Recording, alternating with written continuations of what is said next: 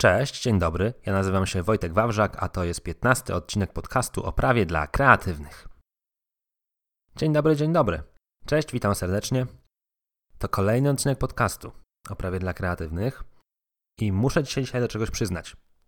Mm, miałem dużą pokusę, żeby tego odcinka nie nagrać, a w zasadzie wstępu do niego, bo odcinek będzie zapisem webinaru, zapisem audio, ale o tym za chwilę.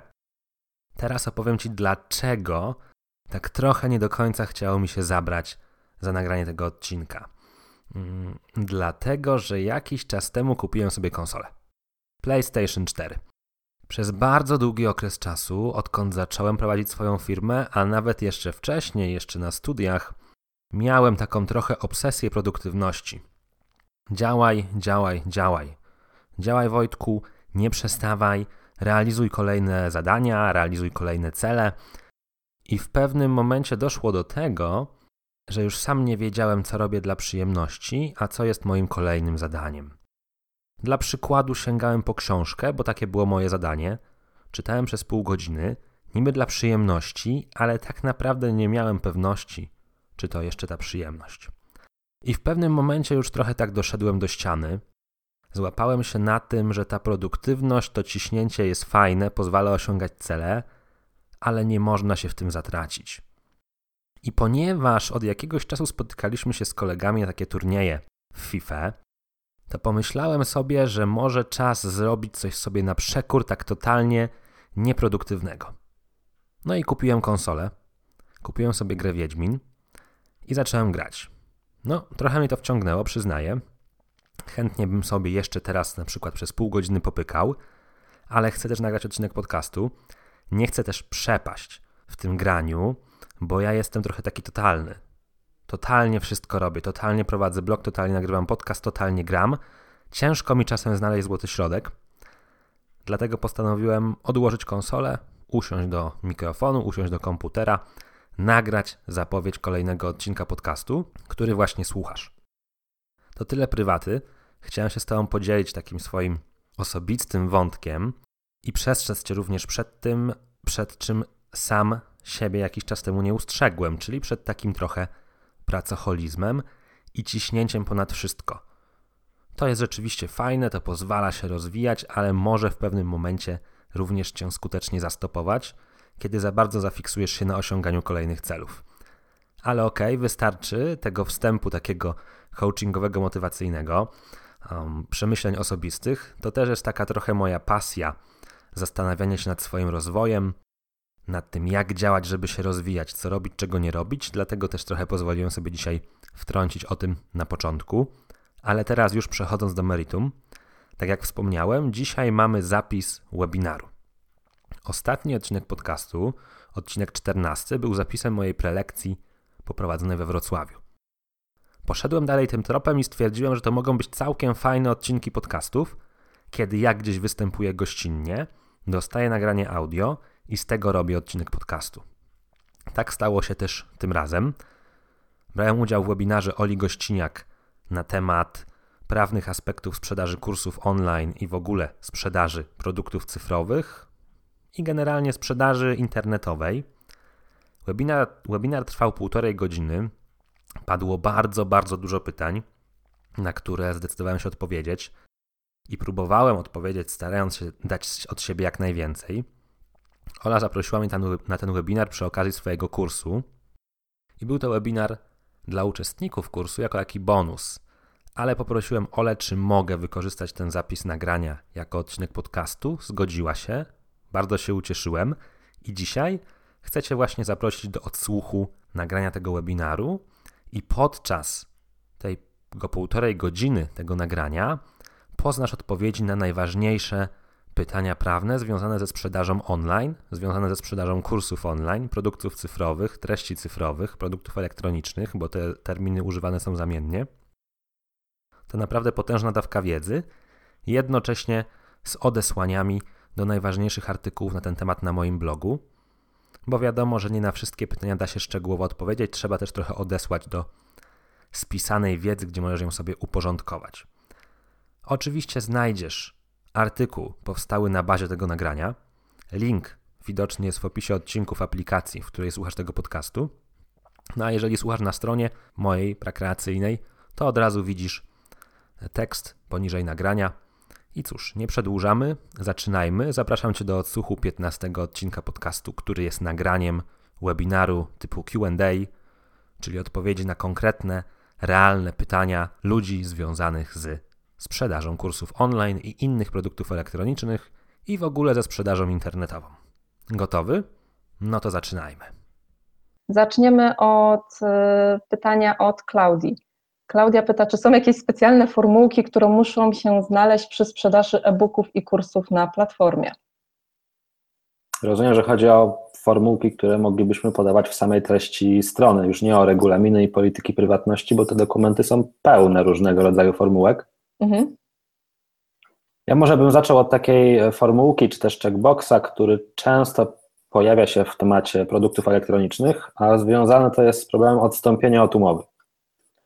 Bo produkt elektroniczny to jest coś innego niż spodnie. To znaczy, jeżeli ktoś kupi sobie e-booka, kurs online, jakiś zapis webinaru i będzie chciał odstąpić od umowy, no to powstaje ten problem, że my nie jesteśmy w stanie skontrolować, czy on rzeczywiście przestanie z tego produktu korzystać. W przeciwieństwie do spodni właśnie, bo spodnie ktoś odsyła i dalej z nich nie korzysta.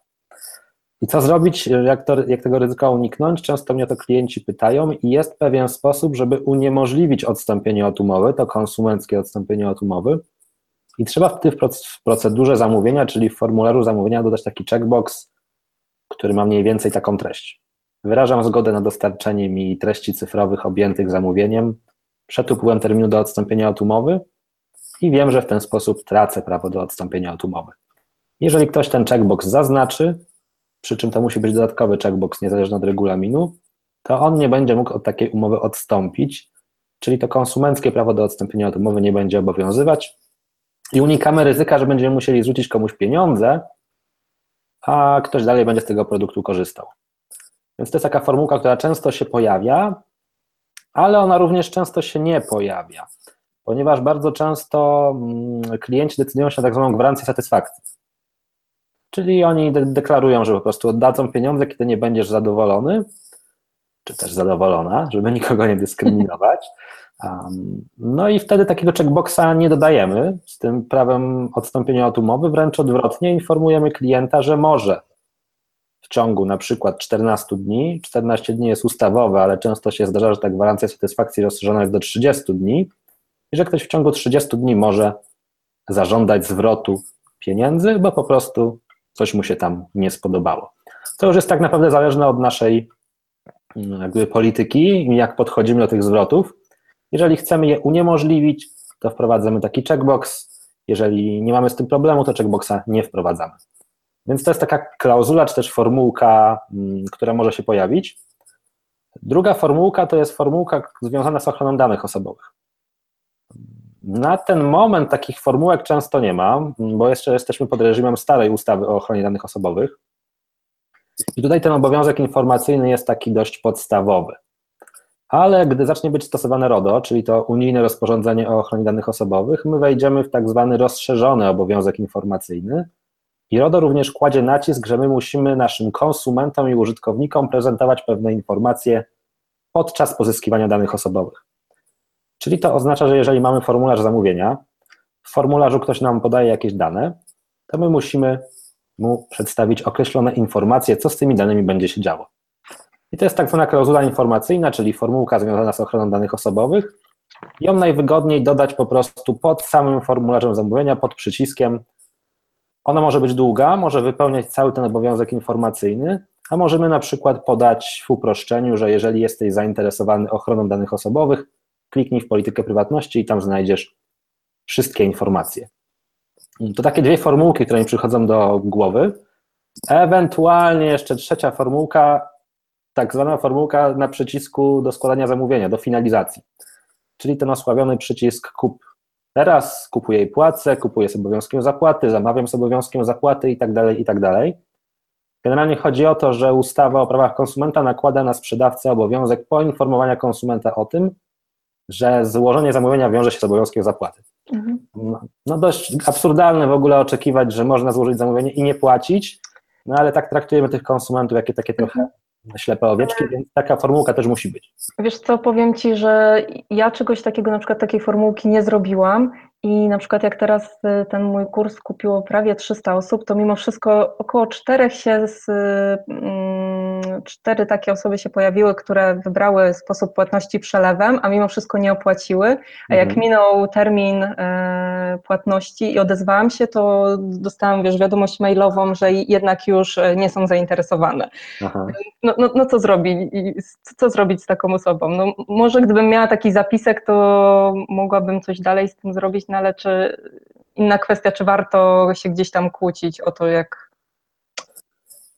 Wiesz, nie, nie warto. Myślę, że nie warto. Myślę, że większość e, sprzedawców produktów elektronicznych idzie w tą stronę, że wszystkie te takie ryzyka biznesowe związane z e, no, typowymi Januszami bierze na klatę i po prostu temat, kolokwialnie mówiąc, olewa. Ale ta formułka powinna się znaleźć, dlatego że jeżeli ona się mhm. nie znajdzie, to nam konsument może potem powiedzieć, że on nie został poinformowany o obowiązku zapłaty, w związku z tym spodziewał się, że dostanie za darmo. A, okej. Okay. I to działa, to działa tak, to, to jest takie zabezpieczenie na wypadek tych takich typowych internetowych troli, które zaczną wyszukiwać jakieś twoje potknięcia, a potem się trollować, e, co tutaj złego zrobiłaś. Okej. Okay. że to nie jest mocno inwazyjne i ten treść przycisku tak naprawdę łatwo jest zmienić, w szczególności w przypadku właśnie produktów elektronicznych można to zrobić nieinwazyjnie, bo można tą formułkę ograniczyć do kupuję i płacę. No bo najczęściej po kliknięciu w przycisk od razu lądujesz na stronę płatności i płacisz, więc kupuję i płacę jak mhm. najbardziej ok. okay. czyli wystarczy po prostu treść guzika dobrze dostosować. Dokładnie. Mhm. Przy czym niektórzy mają takie obiekcje, że oni nie chcą w treści guzika, bo to im obniża konwersję. No zawsze będą tacy, którzy będą tak twierdzić, wtedy można na przykład dać tylko na guziku, nie wiem, kupuję, a pod guzikiem tekst Kliknięcie w przycisk wiąże się z obowiązkiem zapłaty, mhm. ale to wychodzi na to samo, więc chyba bez sensu kombinować.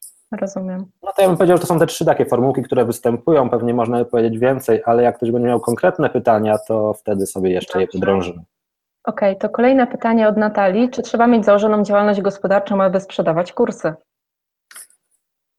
Tak. Powinno się ją mieć. Ja zawsze opowiadam to też na przykładzie mm, takich tradycyjnych produktów, a mianowicie na podstawie marchewki sprzedawanej na rynku, no bo jeżeli ktoś idzie i wystawia marchewkę na widok publiczny, to musi mieć działalność, żeby ją sprzedawać. I to samo jest z kursami. Jeżeli my mamy jakąś platformę sprzedażową, która sprzedaje tym bardziej w sposób automatyczny, to my wpadamy w definicję działalności gospodarczej, ponieważ ta definicja w prawie polskim jest taka, że tą działalnością gospodarczą jest Taka działalność, która jest zarobkowa, regularna i zorganizowana. I o ile ten zarobkowy charakter i regularny no nie sprawia problemów, jeżeli chodzi o interpretację, o tyle to zorganizowanie bywa kłopotliwe, ale nie ulega wątpliwości, że jeżeli my mamy zautomatyzowany system sprzedaży, to jest to sprzedaż zorganizowana. W związku z tym ja nie polecałbym sprzedaży zautomatyzowanej bez prowadzenia działalności gospodarczej, bo wystarczy tak naprawdę jeden zakup kontrolowany dokonany przez skarbówkę i mogą być kłopoty. I tu od razu powiem, że są w internecie artykuły, które mówią, że można na przykład rozegrać to w ten sposób, że będziemy opisywać w regulaminie, że my nie tyle sprzedajemy produkt, co udzielamy do niego licencji. Czyli udzielamy licencji na korzystanie z praw autorskich do naszego produktu. I wtedy to nie będzie przychód z działalności gospodarczej, tylko przychód z praw autorskich. Jest to pewien sposób rozumowania, niemniej jednak w dalszym ciągu jest to sprzedaż zorganizowana, więc wydaje się, że ta definicja działalności zorganizowanej będzie miała tutaj pierwszeństwo.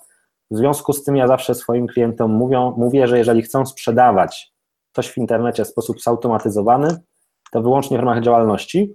Oczywiście nie musi być to swoja działalność, bo możemy na przykład podpiąć się pod działalność męża, żony, brata, siostry, Możemy skorzystać na przykład z jakiejś platformy kursowej, która będzie za nas sprzedawać w zamian za prowizję, albo możemy założyć po prostu taki mini startup w ramach e, inkubatorów przedsiębiorczości. Więc tych opcji poza własną firmą trochę jest, ale zawsze ta działalność gospodarcza, przynajmniej czyjaś, musi być. Okej, okay, czyli rozumiem, że właśnie taka działalność męża albo inkubatory są jak najbardziej zgodne z prawem, tak? Są zgodne z prawem, tak, są zgodne z prawem, przy czym wtedy zawsze trzeba załatwić to dodatkową umową, na podstawie której ten ktoś obcy będzie miał prawo sprzedawać nasz produkt. Okej. Okay. To co, przechodzimy do następnego pytania? Dawajmy. Tak. Dobrze. Mm. Pytanie Ani. Mm, nie wiem, czy to jest bardziej techniczne nie pytanie, ale dobra, przeczytam całe. Mm, czy można w jakikolwiek sposób zabezpieczyć się przed kupnem kursu online przez osobę spoza Unii Europejskiej?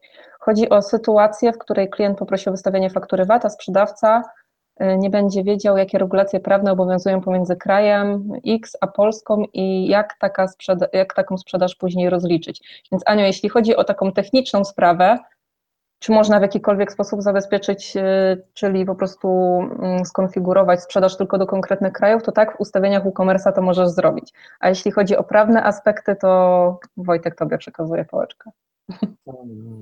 Pewnie, że można, tak jak technicznie powiedziałaś, aczkolwiek ja też mam ograniczoną sprzedaż na poziomie technicznym do Polski, a zdarzają się takie osoby, które wpisują potem dane firmy na przykład w Wielkiej Brytanii. I powstaje taki problem, Mm, formalno-prawny, no bo jeżeli ja sprzedaję usługę na terytorium Wielkiej Brytanii, to nie powinienem doliczać VAT-u. A VAT został automatycznie doliczony, bo faktury idą z automatu. Mhm. Dane, które ktoś poda mm, no, w formularzu. Więc to jest taki problem, że technicznie da się to ograniczyć, ale no jak gdyby nigdy nie ominiemy tych wszystkich ludzi, którzy mimo, że im się mówi, że nie wolno, to robią. I z tym się trzeba liczyć. Natomiast pytanie w ogóle jest szersze, bo ono zahacza również o kwestie właściwego prawodawstwa, kwestie właściwej stawki podatku VAT i tak dalej, i tak dalej. I ten problem pojawia się wtedy, kiedy nasze kursy, czy też inne produkty elektroniczne, kupują osoby prywatne, czyli nie prowadzące działalności, mieszkające poza Polską na terytorium Unii Europejskiej. Bo wtedy wchodzimy w ten osławiony VAT MOS, czyli powinniśmy do takiej ceny doliczyć stawkę podatku obowiązującego w kraju nabywcy. Co oznacza, że powinniśmy mieć w naszym systemie sprzedażowym skonfigurowane wszystkie kraje europejskie z różnymi stawkami. Dlatego właśnie technicznie najczęściej się ogranicza do Polski. No niemniej jednak y, no istnieje taka możliwość, że można również sprzedawać za granicę, ale ja się jeszcze nie spotkałem y, wśród moich klientów którzy głównie robią dedykowane kursy na rynek polski, no bo po polsku raczej nie kupi nikt za granicą, sporadycznie się zdarza, że nie ma możliwości zakupu um, podając dane z innego kraju, no bo wtedy właśnie wpadamy w ten VAT MOS. Ja o tym VAT MOS nie będę więcej opowiadał, bo to jest temat e, mocno księgowy. Od razu powiem, że w artykule na blogu, który jest takim kompendium dotyczącym produktów elektronicznych, i który link prawdopodobnie za chwilę wkleisz na tak, czacie. Jest tam również poruszona kwestia rozliczeń księgowych. Zaprosiłem gościnnie księgową, która specjalizuje się w takich kwestiach sprzedaży na odległość produktów elektronicznych i ona tam rzuciła nieco światła, jak to dokładnie wygląda, bo temat jest mocno rozległy. Okej, okay, a mogłabym jeszcze dopytać, czy to prawda, co zasłyszałam, że jeśli dodamy już do kursu na przykład coś takiego bardzo personalizowanego, typu konsultacja indywidualna albo taka grupa dla kursantów, to już wtedy niekonieczny jest ten MOS? Czyli tak, jest, jest, to, jest to taki powszechny sposób na e, eliminację tego MOS-u, no bo to bazuje na tym, że wtedy jak gdyby zatraca się charakter usługi elektronicznej, bo ona jest wykonywana przy indywidualnej obecności dostawcy kursu, no bo on jest na tej grupie, zapewnia indywidualne wsparcie i tak dalej, i tak dalej. Przyjęło się tak robić? Ja mam pewne wątpliwości, czy to rzeczywiście jest właściwa interpretacja, bo jednak głównym świadczeniem nadal jest zautomatyzowany kurs, ale ludzie tak robią i nie mają z tego powodu problemów, więc można wnioskować, że będzie to dopuszczalne. Aczkolwiek, tak jak mówię, jednak w przypadku kursów online, no to ta sprzedaż e, poza Polskę moim zdaniem jest rzadka. Nie wiem, jakie są Twoje doświadczenia. Mhm. Mm, na, na pewno no nie jest to większość. Zawsze, ja to zawsze mówię, że jak mamy z czymś problem, to starajmy się to wytłumaczyć na etapie e, procedury zamówienia, czyli na przykład e, mamy listę rozwijalną krajów, ograniczamy ją do Polski, po czym dodajemy wytłumaczenie, dlaczego tak jest i że jeżeli ktoś chce kupić spoza terytorium Polski, to żeby indywidualnie napisał na maila i rozwiążemy z nim tą kwestię.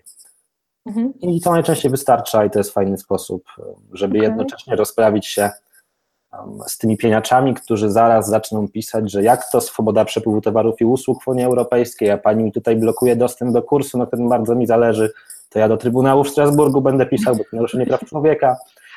i tak dalej, i tak dalej. Mhm. Okej.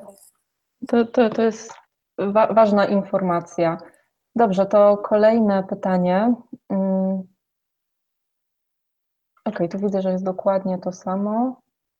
Y, pytanie od Marty. Zapisy w regulaminie, y, które muszą się pojawić. Na co szczególnie zwracać uwagę w kontekście sprzedaży online? Uhu, uhu. To, to, jakie się muszą pojawiać, jakie się nie muszą pojawiać. Ja, ja nie wiem, czy tutaj nie łatwiej by było odesłać do Twoich, y, do tego zestawu produktów, bo tam są z tego, co kojarzę, właśnie konkretne wzorce, prawda? Ja może powiem tak, są dwie opcje. Płatne, płatne, płatne, płatne moje produkty to są takie pakiety, w których znajdujecie gotowe regulaminy, gotowe wzory do wypełnienia swoimi danymi. To, co jest ważne i to, co doceniają klienci i z czego się cieszą, to że wszystkie najważniejsze postanowienia są opatrzone komentarzami, które pozwalają zrozumieć, dlaczego tak, a nie inaczej to postanowienie wygląda, jakie można zmodyfikować, kiedy trzeba je zmodyfikować. Więc generalnie oprócz samego wzoru dostajesz również taki pakiet instrukcji, jak się z tym uporać. Te pakiety są oczywiście płatne, natomiast jeżeli ktoś jeszcze nie jest zdecydowany na pakiet płatny, też ma fajną opcję, bo jest na blogu artykuł który nazywa się bodajże Jak napisać regulamin sklepu internetowego. On dotyczy wprawdzie produktów fizycznych, ale główny, no jak gdyby główne postanowienia będą zbieżne, no bo te produkty elektroniczne różnią się w zakresie dostawy, w zakresie wymogów technicznych, jakie trzeba spełnić, żeby z nich korzystać, natomiast jak gdyby sam rdzeń tego regulaminu jest zbieżny. Hmm. Także odsyłam na blog albo do sklepu, albo do artykułów. Powiem tylko tyle, dlaczego ten regulamin jest ważny, bo często nam się wydaje, że ten regulamin to jest taka, taki problem tak naprawdę nieistotny, bo przecież nikt tego nie czyta. I rzeczywiście nikt tego nie czyta, dopóki nie ma problemów. Gdy trafi nam się pierwszy niezadowolony klient, to pierwsze co on zrobi, otworzy nasz regulamin i będzie wypunktował wszystkie błędy w nim i próbował nam, może nawet nie zaszkolić, ale w jakiś sposób znaleźć podstawę, żeby trochę się z nami pospierać, dostać jakieś pieniążki z powrotem i tak dalej. A ten regulamin tak naprawdę zastępuje naszą umowę. Kiedy ja idę do jakiegoś grafika, z którym zawieram umowę na wykonanie logo, to zawieram z nimi tą umowę na piśmie. Dlatego, że robię to indywidualnie. Ale w naszym sklepie chodzi o to, żeby ktoś kupował to automatycznie. I ten regulamin zastępuje tę umowę. I w tym regulaminie wskazujemy wszystko, co jest kluczowe z punktu widzenia tej umowy. Ponadto mamy taką w Polsce mądrą ustawę, jak ustawę o prawach konsumenta, i jeszcze mądrzejszą ustawę o świadczeniu usług drogą elektroniczną, które zawierają szereg obowiązków, tak zwanych informacyjnych. Krótko mówiąc, sprzedawca musi dostarczyć konsumentowi bardzo dużo informacji, i jakie to są informacje wskazują bezpośrednio przepisy. Jak ten obowiązek informacyjny wypełnić? Ano właśnie zawrzeć te wszystkie postanowienia w regulaminie i zmusić użytkownika, żeby ten regulamin zaakceptował. I ja bym od tak odpowiedział na to pytanie, nie wchodząc w szczegóły, bo gdybyśmy zaczęli omawiać regulamin paragraf po paragrafie i ustęp po ustępie, to myślę, że jutro do rana byśmy nie skończyli. Zgadza się, to prawda. Okej, okay. kolejne pytanie dotyczy newslettera. Według przepisów, jeśli wysyłam newsletter do moich odbiorców, to powinnam umieścić w takiej wiadomości moje dane, czyli imię, nazwisko i adres. Jak to ma się do ochrony moich danych osobowych, jeśli siedziba mojej firmy to jednocześnie mój dom? Aha, takie przewrotne pytanie, odpowiem, że nijak się ma tak naprawdę, bo jako przedsiębiorca mm, można powiedzieć tak trochę kolokwialnie sama decydujesz, że pozbawiasz się prywatności w zakresie adresu Twojej siedziby. Stąd między innymi popularność wszystkich wirtualnych biur, bo one bazują na tym, że przychodzą ludzie, którzy nie chcą podawać swojego domowego adresu i wtedy podają adres wirtualnego biura. Jeżeli ktoś decyduje się na zarejestrowanie działalności w prywatnym mieszkaniu, to musi się liczyć po pierwsze z tym, że ten adres będzie dostępny publicznie dla wszystkich w CIDG, więc jeżeli, ja sobie wpiszę czyjś NIP, imię i nazwisko, nazwę czy jakąkolwiek inną daną, to odnajdę jego adres. Po drugie, większość obowiązków informacyjnych, zarówno wynikających z ustawy o prawach konsumenta, jak również z przepisów o ochronie danych osobowych, nakazuje sprzedawcy internetowemu przekazanie konsumentowi swoich danych adresowych. Imię i nazwisko, adres, najlepiej również adres e-mail.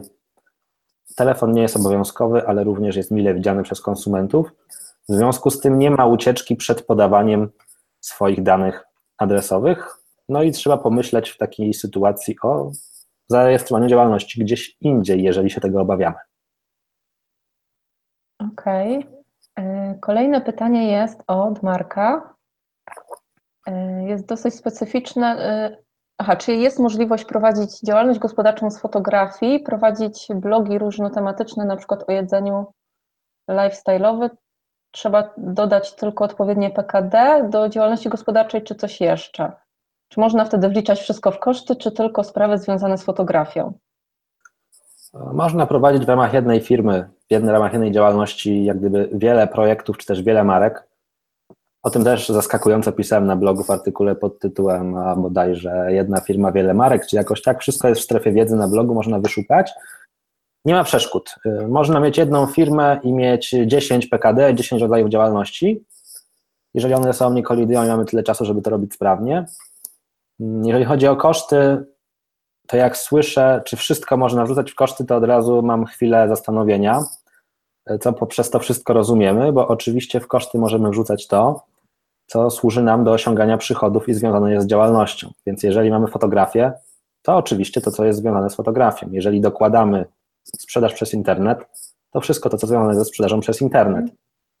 No, ale trzeba sobie pamiętać, że szereg kosztów, które nam się na pierwszy rzut oka wydają być związane z działalnością, nie zawsze są w 100% związane z działalnością, bo często ten użytek prywatny nie jest wykluczony. I tu często blogerzy podnoszą te tematy, że jeżeli oni piszą recenzję ubrań, to mogą sobie ubrania kłaść na fakturę. No wszystko byłoby pięknie, gdyby w tych ubraniach na co dzień nie chodzili również. Mhm. Więc e, nie będę wchodził w te szczegóły, bo temat kosztów działalności gospodarczej jest bardzo szeroki i nie jeden księgowy napisałby o tym co najmniej dwa tomy, ale to nie jest tak, że zawsze wszystko. Ale mhm. można prowadzić w ramach jednej firmy wiele różnych projektów nie ma z tym problemu. Okej. Okay. Dobrze, to następne jest pytanie od Aleksandry. Y, chodzi o kwestię mm, zwrotów produktów elektronicznych. Jak reagować, kiedy ktoś rozpowszechnia kupiony PDF y, na stronie typu Homikuj? Na stronie Homikuj sprawa jest dość prosta obecnie, bo jest procedura Notice and Takedown. My możemy skorzystać z tej procedury, wysłać do chomika, do administratorów zgłoszenie, wykazać, że prawa autorskie przysługują nam i że ta rozpowszechnienie tego, tego na chomiku jest bezprawne i oni to zablokują tego dostęp. Tak dzisiaj działają wszystkie mm, firmy fonograficzne, czy też chociażby obecnie z Belfrem, który sobie idzie na Kanal Plus jeszcze przy pierwszym sezonie na chomiku i były dostępne odcinki, w tej chwili już niemal z automatu są kasowane i trzeba szukać innych źródeł, jeżeli ktoś nie ma Kanalu Plus. No więc tak trzeba reagować. Problem jest wtedy, kiedy te treści wyciekają w takich serwisach, w których nie ma procedury notice and takedown. Wtedy trzeba próbować namierzyć administratora. Nie zawsze jest to możliwe. Często pojawia się również ten problem, że takie treści rozpowszechniane są samodzielnie przez tę osobę bez wykorzystania jakichkolwiek dodatkowych serwisów. No i wtedy mamy do czynienia z naruszeniem praw autorskich i trzeba wdrożyć całą procedurę z tym związaną. I tutaj będę bardzo oryginalny, odeślę do artykułu na blogu pod tytułem Jak reagować na naruszenie praw autorskich w internecie. Okej. Okay. Tam ja, to wszystko jest. Ja to tak wyszukuję na bieżąco te artykuły, które mówisz i wrzucam od razu na czat, ale to za chwilkę zadam Ci w tym czasie kolejne pytanie. Hmm. Właśnie, kolejne pytanie jest o Twoje produkty. Mhm. Mm, Aleksandra chce otworzyć stronę ze sklepem z produktami fizycznymi i drugą ze sklepem z kursami. Który pakiet będzie dla niej odpowiedni z tych, które masz dostępne? Mm, jeżeli to będą dwie niezależne strony, to tak naprawdę są dwa niezależne pakiety. Pakiet dla sprzedawców produktów e, fizycznych, czyli dla sklepów internetowych, i drugi pakiet dla sprzedawców produktów elektronicznych. Przy czym, jeżeli ktoś jest odpowiednio ogarnięty i ma trochę samozaparcia, to na podstawie e, no jak gdyby pakietu dla sprzedawców produktów fizycznych, czyli dla sklepu internetowego, będzie w stanie ten regulamin dopasować również do, do produktów elektronicznych. Jeżeli ktoś nie chce się w to bawić, no to musi kupić podwójnie, ale czasem zdarzają się też sytuacje, w którym ktoś w ramach jednego sklepu prowadzi sprzedaż i produktów fizycznych, i produktów elektronicznych. W ramach jednego sklepu, jednej domeny jednego systemu sklepowego I wtedy jak gdyby żaden z tych dwóch regulaminów nie pokrywa w 100% zapotrzebowania, bo ja takiego regulaminu wzoru hybrydowego nie robiłem dlatego, że wtedy najczęściej ten regulamin przygotowuję indywidualnie.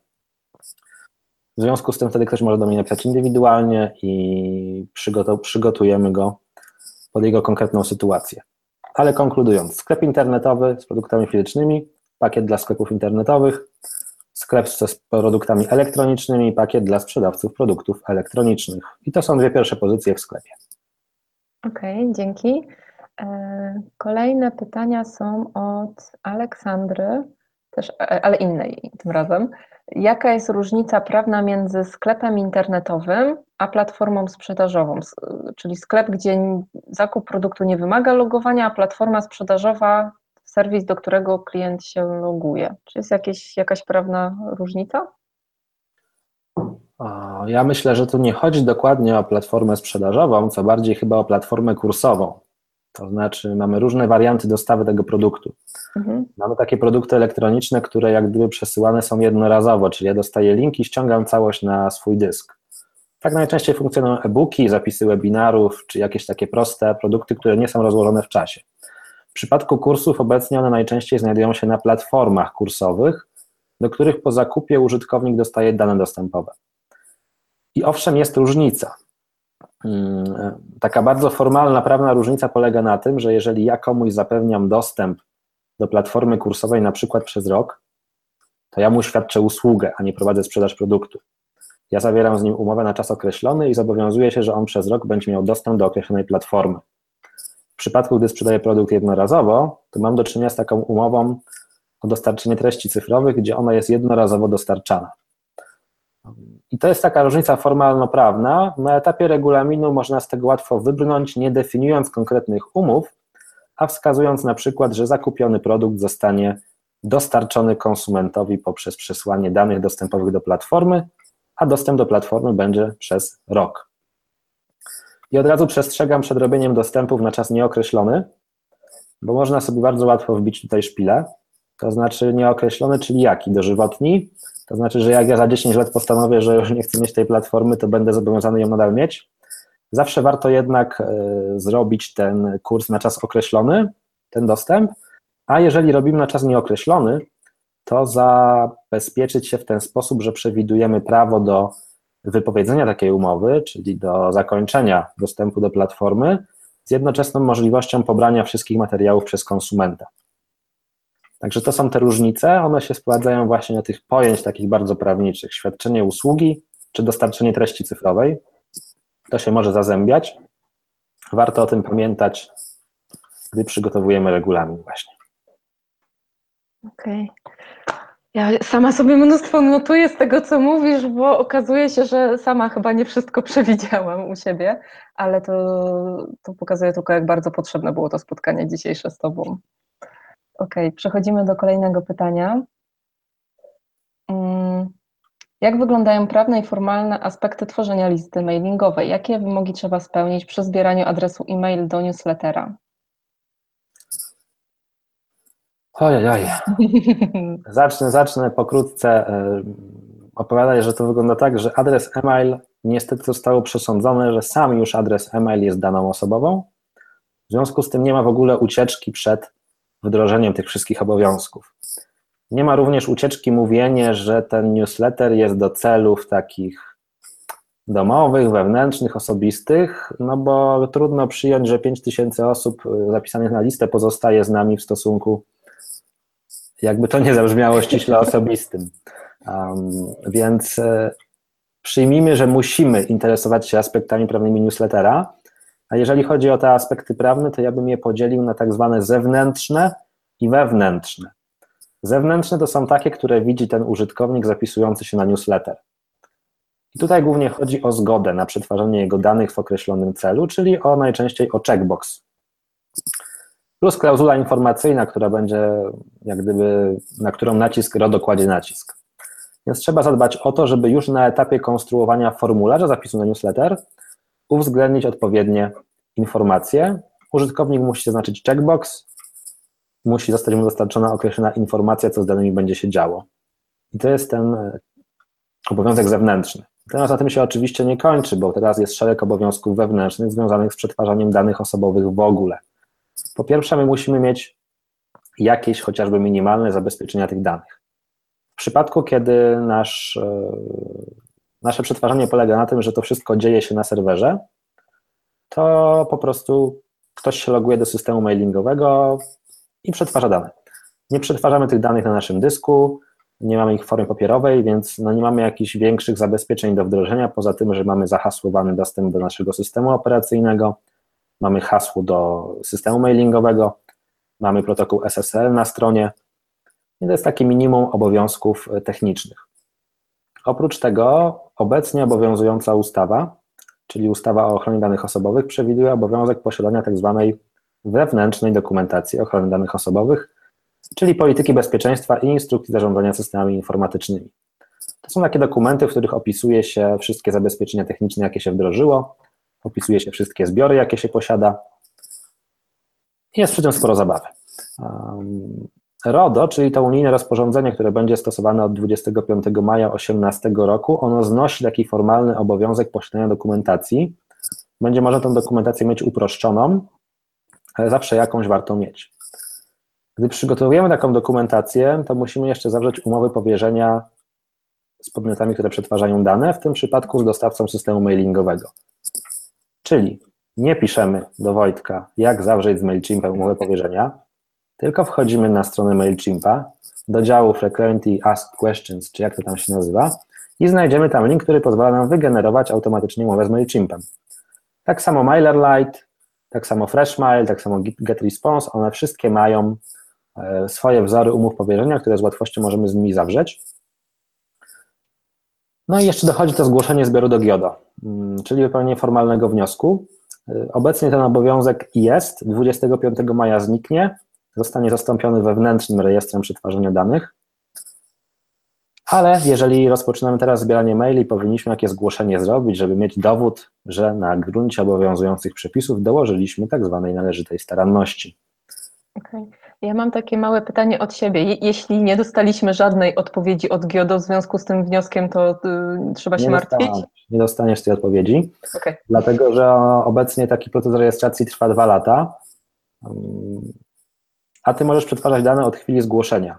Mhm. Czyli od chwili, kiedy zrobiłeś zgłoszenie, możesz przetwarzać. Biorąc pod uwagę, że 25 maja przyszłego roku zaczyna być stosowane RODO i znika obowiązek zgłoszenia, to większość zbiorów zgłoszonych nie zostanie być zarejestrowana, więc żadnego potwierdzenia nie otrzymasz. Będziesz miała tylko ten swój wniosek, że on został wysłany. Więc to tak naprawdę tyle. No i tradycyjnie na koniec powiem, że na blogu jest masa artykułów o legalnym newsletterze. Najnowszy to jest dotyczący RODO właśnie, wcześniejszy to jest jak legalnie wysyłać newsletter, jakoś tak. I dostępny jest też pakiet, który pozwala zalegalizować newsletter ale jeżeli ktoś zdecyduje się na pakiet, y, jak gdyby dotyczący sklepu internetowego czy produktów elektronicznych w wersji premium, to dostanie tam od razu również jak gdyby zawartość pakietu legalny newsletter rozbudowaną. Więc jeżeli ktoś decyduje się na pakiet premium dla sprzedawców, to ten legalny newsletter nie jest mu już potrzebny. Okej, okay. to ja jeszcze tylko tak dopowiem, że tutaj już na czacie dwie dziewczyny piszą, że yy Weronika pisze, że ja kupiłam pakiet kompletny do newslettera, jest bardzo zadowolona, uporałam się z tym migusiem i jest ekstra. Dziś wysłałam wniosek. I jeszcze chyba Klaudia, tak, Klaudia powiedziała, że jest fajny twój pakiet do newslettera. Tak, a, no a, a, a propos szybkich referencji na czacie. Cieszę się, bo ten pakiet legalny newsletter oczywiście sprzedaje się najlepiej, bo on w takim dość budżetowym koszcie pozwala ten newsletter zalegalizować, ale jednocześnie otwiera oczy, że my być może mamy jeszcze dużo więcej danych niż nasz newsletter, bo najczęściej jest tak, że jak my zaczynamy prowadzić listę mailingową, to owszem mamy newsletter, a potem pojawiają się dane osób, które złożyły zamówienie, potem pojawiają się dane w systemie fakturowym. Idąc tak najdalej, to nawet zbiorem danych jest nasza głupia lista kontaktów w telefonie komórkowym, jeżeli jest związana z prowadzoną działalnością, jak również lista kontaktów w programie klienta poczty.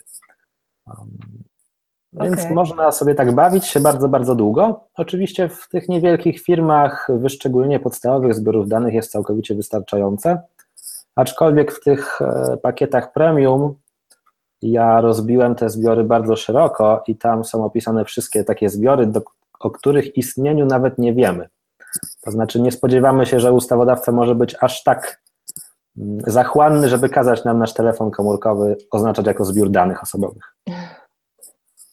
Okej. Okay. Na, mm, na czacie jeszcze pojawiło się pytanie, co grozi za brak dokumentacji? Obecnie tak naprawdę nic. To znaczy, jeżeli by nam się przytrafiła kontrola, to GIODO przychodzi i mówi, nie masz dokumentacji, zrób ją, jak ją zrobisz, to nic złego się nie stanie. W praktyce kontrole również się nie zdarzają, bo ich było do tej pory około 80 w skali roku i dotyczyły głównie jakichś dużych sektorów finansowych, bankowych, dużych korporacji. Pytanie, będzie, pytanie brzmi, jak to będzie na gruncie, na gruncie RODO, ponieważ RODO wprowadza te kary finansowe, które mogą być nakładane od razu bez konieczności wzywania do zaniechania naruszeń. Te kary są takie bardzo dużo, opisane w duży sposób, bo tam jest nawet 20 milionów euro, 4% obrotu. Matko. Oczywiście, oczywiście nie ma też co do nich przywiązywać wagi, tak bardzo o czym pisałem w artykule o RODO, ale ja uważam, że ta świadomość użytkowników i ten temat ochrony danych osobowych wałkowany przez Unię Europejską będzie niestety coraz bardziej ważny, a w związku z tym, że o tym RODO się tak trąbi, to na pewno znajdą się podmioty, które zaczną po prostu trollować i straszyć, że nie masz takiej dokumentacji, to my cię zgłosimy, zapłacisz karę, więc zapłać nam, a my ci ją przygotujemy. Zgadza się. Więc warto może zawczasu o tym pomyśleć, tym bardziej, że tak naprawdę te dane osobowe to jest trochę tak jak własność intelektualna swojego czasu. Jeszcze 2-3 lata temu to nikt do prawa autorskiego nie przywiązywał uwagi, a dzisiaj każdy na prawie autorskim chce zarabiać. I te dane osobowe też są coraz bardziej uświadamiane przez ludzi i warto mieć w swojej firmie chociaż takie podstawowe procedury związane z ochroną danych i mieć taką podstawową świadomość, o co w tym problemie chodzi. Że jak nas zapyta użytkownik, dlaczego wysłaliśmy mu, nie wiem, niezamówiony mailing albo nie poinformowaliśmy go o czymś, to my nie będziemy zaskoczeni, że w ogóle nie wiedzieliśmy, że trzeba to zrobić. No bo to nie świadczy dobrze o przedsiębiorcy profesjonalnym, który wie mniej niż jego konsument. A tak się niestety zdarza. Okej. Okay. Dobrze, to następne pytanie jest od Doroty. Mm. Dorota jest podmiotowo zwolniona z podatku VAT i wystawia tylko rachunki. I teraz pytanie, co z produktami online? Czy jak, jaki powinien być do tego program? nie ma już czegoś takiego jak rachunki, to znaczy to funkcjonuje tak tradycyjnie, się przyjęło te rachunki wystawiać, natomiast dzisiaj nawet podatnicy, którzy nie są VAT-owcami mogą wystawiać faktury i powinni wystawiać faktury, żeby nie robić właśnie tej takiego zamieszania terminologicznego. Jest to faktura bez VAT. No, treścią przypomina, jest tak samo wygląda jak rachunek, przy czym jest fakturą. No i można je wystawiać tak jak każdą inną fakturę.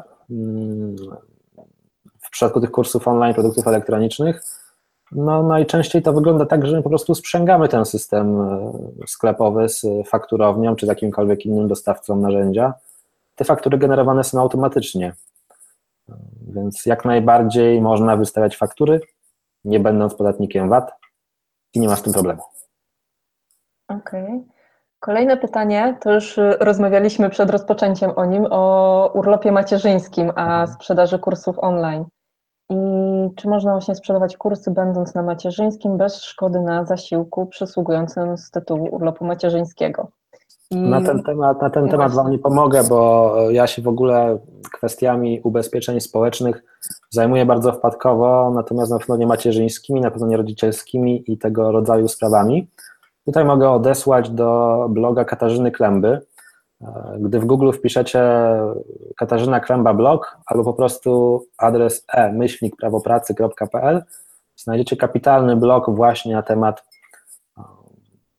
zasiłków, ZUS-u i tak dalej, i tak dalej.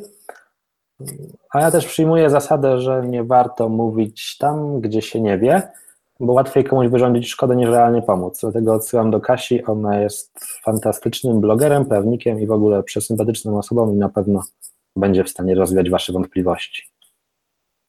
Super. Wrzuciłam na czat linka, żeby też było łatwiej odnaleźć tego bloga. E, dobrze, to przejdźmy do następnego pytania. To się powtórzyło. To też już było. Ue, to teraz idzie nam z górki już. Dobrze, to jest długie pytanie, więc przeczytam całe na głos. E, mam kilka koleżanek, które projektują swoje autorskie wzory na wyroby rękodzielnicze. Chciałyby je sprzedawać, ale z sobie właściwych powodów nie chcą prowadzić działalności gospodarczej. E, są emerytkami, mają działalność rolniczą itp. W jaki sposób najkorzystniejszy dla obu stron prowadząc działalność gospodarczą mogłabym im pomóc w tej sprzedaży? Jaki rodzaj umowy? Typowa, typowa umowa licencyjna. Ja to też opowiadam na przykładzie wydawcy i książki, bo sytuacja jest dokładnie ta sama. Jeżeli ktoś stworzył jakiś wzór, który jest wzorem korzystającym z ochrony prawa autorskiego, to może udzielić komukolwiek licencji na sprzedawanie tego wzoru. Tak samo jak autor udziela licencji wydawcy na wydrukowanie i sprzedaż książki. Więc zawieramy typową umowę licencyjną, w której przewidujemy, w jaki sposób te grafiki, wzory będą eksploatowane i w jaki sposób będzie rozliczane wynagrodzenie. Że pytanie długie, a odpowiedź dość krótka. Mhm. No ja tu przeglądam kolejne pytania. Violeta ma pytanie o zawieszoną działalność. Zawiesiłam ją ze względu na duży ZUS. Nie rozwijała się wtedy jak, y, tak, abym była w stanie go opłacać. Teraz mam mnóstwo pomysłów na kursy, produkty online, ale też na początku nie będę w stanie opłacać dużego ZUS-u. Co zrobić? Czy otwierać firmę na dwa tygodnie w momencie sprzedaży kursu i zamykać ją po jej zakończeniu? Czy to legalne? No to nie tak do końca, bo mm, no, musimy sobie zdawać sprawę, że my nie prowadzimy tej działalności tylko wtedy, kiedy sprzedajemy. Przygotowując kurs, tak naprawdę też prowadzimy tę działalność, bo przygotowujemy nasz produkt. W związku z tym takie częste otwieranie i zamykanie nie jest może koniecznie najlepszą opcją. No ja bym właśnie poszukał jakichś alternatyw w postaci, nie wiem, koleżanki, siostry, albo właśnie akademickiego inkubatora przedsiębiorczości, który w stosunku do, do dużego ZUS-u daje sporą oszczędność, bo tam bodajże inkubowany płaci 200, 300, 400 zł, a nie 1300. Więc można się tym zainteresować. Ja bym tych wariantów z zawieszaniem i odwieszaniem częstym nie praktykował, bo to tylko ściągnie nas uwagę. Oczywiście, jeżeli mamy dwie akcje sprzedażowe w ciągu roku na wiosnę i na jesień, to to by już myślę przeszło ale takie otwieranie, zamykanie, otwieranie, zamykanie e, tak praktycznie nie wróży nic dobrego, a prędzej czy później jakiś pan urzędnik, kolokwialnie mówiąc, zapuka do drzwi i zapyta, co tu się wyrabia. Okej, a powiedz mi to jeszcze, y, chciałabym zapytać, w momencie, kiedy mamy zawieszoną działalność, możemy na przykład publikować coś na Facebooku, nie wiem, pisać artykuły na blogu, mimo że to tak... To, to, to możemy tak naprawdę, Oczywiście, jeżeli tych, pod tymi artykułami nie ma przycisku kup teraz i nie przenosi mhm. do procesu zakupowego. Same takie działania w celu zabezpieczenia naszego źródła przychodów możemy podejmować. Przy czym ja nie uważam, żeby to zawieszanie, odwieszanie było dobrą, jakąś taką szczególnie dobrą opcją, bo ono nigdy się w dłuższej perspektywie nie sprawdza. Mhm. Także lepiej, lepiej skupić się moim zdaniem na takich działaniach ostrych, ostrych, no marketingowych, które, gdzie będziemy rozdawać coś bezpłatnie, zbudować dużą listę, zaangażować tych ludzi, porobić live'y, czy jakiekolwiek inne działania angażujące i potem zrobić e, jedną dużą sprzedaż, która pozwoli nam zrobić kapitał na przykład na 10-miesięczny ZUS i sobie spokojnie działać. No ale to już jest kwestia takich e, no, jak gdyby bardziej biznesowych niż prawniczych kwestii. Okej, okay, dobrze, to ja patrzę. Kolejne pytania. Hmm. Pytanie od Joanny. Podobno, gdy sprzedaje się online, nie trzeba mieć kasy fiskalnej, bo klienci robią przelewy. A co w sytuacji, gdy jest możliwość odbioru osobistego i klient wybierze płatność gotówką? Czy wtedy sama faktura nie wystarczy jako dokument transakcji? Trzeba mieć kasę fiskalną? Tu w ogóle już odbiegamy od produktów elektronicznych, no bo nie wyobrażam sobie odbioru osobistego kursu online. Chociaż można byłoby taki wariant ciekawy przeprowadzić. Generalnie z tymi kasami fiskalnymi rzeczywiście funkcjonuje obecnie Mówię obecnie, ponieważ y, te wszystkie zwolnienia wynikają z rozporządzenia i obecne rozporządzenie jest ważne do końca tego roku. Jak będzie dalej, może być podobnie, ale tego nigdy nie wiadomo. Póki co, jeżeli ktoś nam wpłaca na rachunek bankowy, a my wysyłamy pocztą, czy nawet świadczymy usługę, no to nie musimy mieć kasy. Jeżeli jednak no, ktoś przychodzi i płaci gotówką w sklepie, to pojawia się konieczność posiadania tej kasy, ale jeszcze jest taki jeden wyjątek, który pozwala z niej mm, no, jak gdyby zrezygnować, pozwala nie mieć tej kasy, to znaczy jeżeli ta sprzedaż na rzecz osób prywatnych, nieprowadzących działalności nie przekroczy w skali roku 20 tysięcy złotych, to do tego limitu my nadal kasy fiskalnej mieć nie musimy. No i tak bym odpowiedział na to pytanie. Okej, okay, dzięki. Mm. O RODO już rozmawialiśmy, prawda? Trochę tak. Tak, bo Klaudia mówi, że o RODO by chciała posłuchać. Co to za ustrojstwo do ogarnięcia znowu? Można posłuchać, jest odcinek podcastu o RODO do posłuchania pod tym samym adresem, co poradnik RODO na blogu. RODO, czy naprawdę trzeba się bać? Możesz wkleić okay, kolejny link. Dobrze, szukam, szukam. Tam jest, tam jest i tekst, ale oprócz tekstu jest też odcinek podcastu i można sobie posłuchać w wolnej chwili. Okej, okay. już mam linka, wklejam na czat. No, czyli w sumie dzisiejszy, nasz dzisiejszy webinar będzie takim spisem treści artykułów i webinaru. No ale no, co, co się dziwić, no co przez półtorej godziny nie jesteśmy w stanie bardzo szczegółowo każdego z tych wszystkich tematów e, ogarnąć, niestety. No i taka prawda, że też trochę naprodukowałem tego przez te cztery lata, więc jest do czego odsyłać. To prawda, to prawda. Dobrze, to wrzuciłam na czat RODO i kolejne pytanie od Magdy. Czy mogę sprzedawać w sklepie internetowym swoje prace fanart, na przykład Superman, Batman? Gdzie jest granica inspiracji i jak to mierzyć? A, już mnie kusi, żeby powiedzieć znowu to samo, ale odpowiadać na pytanie, a potem odetnę. Mianowicie ja takim w artykule swoim napisałem takie zdanie, że fanart kończy się tam, gdzie zaczynają się pieniądze. Znaczy, gdzie ja zaczynam zarabiać na fanarcie, to już nie do końca jest fanart, no bo mm, wykorzystanie Supermana, Spidermana czy jakichkolwiek innych znanych postaci prowadzi do tego, że ja korzystam z cudzego utworu. Więc powinien mieć na to licencję. I granica inspiracji w przypadku znanych postaci jest naprawdę, no, w zasadzie jej nie ma, bo jeżeli ja chcę skorzystać ze Spidermana, to muszę go narysować w taki sposób, który sprawi, że ktoś go pozna. Więc ja chcę skorzystać z jego renomy. Jeżeli robię to w celu komercyjnym, to, to narażam się na zarzut wykorzystania prawa autorskiego, utworu, znaku towarowego i też właśnie wykorzystania takiej renomy. I to jest oczywiście taki dość e, teoretyczny pogląd, no bo często to wygląda tak, że ludzie to robią i nie mają konsekwencji. Dlaczego nie mają? No bo trudno sobie teraz wyobrazić, żeby podmiot, któremu przysługują prawa do Spidermana, śledził wszystkie malutkie sklepy internetowe, co jest z nich dostępne. Więc po prostu to, że nie ma konsekwencji, wynika z tego, że podmioty uprawnione nic z tym nie robią. Ale gdyby chciały coś z tym zrobić, to podstawy prawne do tego mają. I na koniec tytuł artykułu, który nazywa się Coś o fanarcie. Jak wpiszesz w Google prakreacja fanart, to wyskoczy. Okej, okay, szukam. Klaudia komentuje tutaj na czacie, y, że chciała wypuścić limitowaną kolekcję nerek z Vaderem. Pisała do Disneya, chcieli 50 tysięcy dolarów za licencję na postać. No więc tak to trochę wygląda, że jeżeli chcemy zrobić to legalnie, to musimy zrobić to na potężną skalę i mieć um, taki biznes, który skalowalnie sprzedaje na globalną skalę. Albo po prostu działamy sobie w takiej niszy. W takiej niszy na przykład działają escape roomy, o których ostatnio też nagrywałem podcast i o których um, opowiadałem podczas konferencji. Tak z ciekawostki powiem, że escape room to jest taki pokój, do którego się wchodzi, wychodzi się rozwiązując zagadkę, taka nowa forma rozrywki i oni tam wykorzystują głównie tematy Harry Potter, Władca Pierścieni, Gwiezdne Wojny, mhm. wszystko na nielegalu. No i jak to się odbywa? No odbywa się tak, że teraz twórca Spidermana nie przyjdzie do pokoju Escape Room w Łodzi i nie sprawdzi, że tam Spiderman jest. Więc tak to działa. No więc to jest taka trochę kwestia e, priorytetów i psychologii. Jedne osoby dobrze się czują z ryzykiem, a inne chcą mieć święty spokój i spokojną głowę i odpuszczają te wszystkie akcje bazujące na znanych postaciach. Mhm. Ja pewnie do tych drugich bym się zaliczała. Ja tak lubię spokojnie spać. Okej, okay. kolejne pytanie Magdy.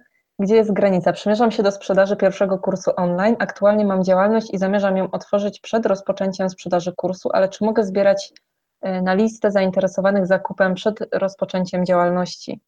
Jak najbardziej możesz i rób to tak długo, jak się da. To znaczy uruchom działalność wtedy, kiedy uruchomi się Twoja sprzedaż. Nie ma sensu zakładać jej wcześniej, no jeżeli nic nie sprzedajesz wcześniej. Mhm. I tak najbardziej można sobie tą listę budować, budować, budować, angażować, angażować i potem mieć Super. tylko przygotowany wniosek do CIDG i jednym kliknięciem tą działalność tam założyć szybciutko. Super. Ale, to jest ge- genialny ten, y, genialna informacja. Byłam przekonana, że jest zupełnie na odwrót, więc dobrze, że y, Powiem, powiem nawet udzielałam więcej, bo- porad. Powiem nawet więcej, bo często mnie pytają ludzie, e, czy oni mogą, że oni chcą założyć firmę, żeby sobie te wydatki ponoszone w pierwszym okresie zaliczyć w koszty. Mianowicie jest taka możliwość, żeby wydatki poniesione jeszcze przed rozpoczęciem działalności zaliczyć w koszty z pierwszym dniem działalności. Okej. Jeżeli macie księgowych, no to księgowi wam to powiedzą, a jeżeli nie macie, to ja mimo wszystko polecam mieć, bo te usługi nie są dzisiaj drogie, a Mhm. sporo rozjaśniają w głowie. Więc można na przykład kupić sobie miesiąc przed startem działalności, e, nie wiem, pakiet 5000 tysięcy subskrybentów w MailChimpie i może faktura będzie na dane prywatne, będzie można ją uwzględnić w kosztach działalności, jeżeli ten związek między tym zakupem a działalnością będzie. Super. A powiedz mi, jest jakiś taki konkretny termin, że na przykład, nie wiem, tylko przez miesiąc przed ro- rozpoczęciem działalności można to zakupić i wrzucić w koszty, czy raczej nie ma? Nie ma, ale oczywiście warto kierować się rozsądkiem, chociaż często zdarza się tak, że na przykład ktoś ma prywatny komputer zakupiony ileś tam lat wstecz, on był na tyle drogi, że z chwilą rozpoczęcia działalności on go wrzuca jako środek trwały do firmy i też uwzględnia te koszty. No ale wiadomo, taki zdrowy rozsądek warto zachować, teraz nie wywlekać z piwnicy jakichś tam statywów fotograficznych sprzed 20 lat, które dziadek podarował Zgadza i, i rzucać w koszty. Super. Właśnie sam odpowiedziałeś na kolejne pytanie, które miałam od Marka zadać, więc y, świetnie. I, kolejne pytanie jest, czy warto być na początku działalności gospodarczej płatnikiem VAT? Nie wiem, czy będziesz w stanie odpowiedzieć, bo to bardziej chyba księgowe pytanie. Nigdy nie warto być płatnikiem VAT i robić to najdłużej jak się da, nie będąc nim, no bo No to jest danina do państwa tak naprawdę za nic. Problem polega na tym, że gro działalności nie może nie być podatnikiem VAT. Mianowicie wszyscy ci, którzy mają e, w PKD i faktury wystawiają na jakieś usługi konsultacyjne, doradcze, muszą być obowiązkowo w VAT. Okej.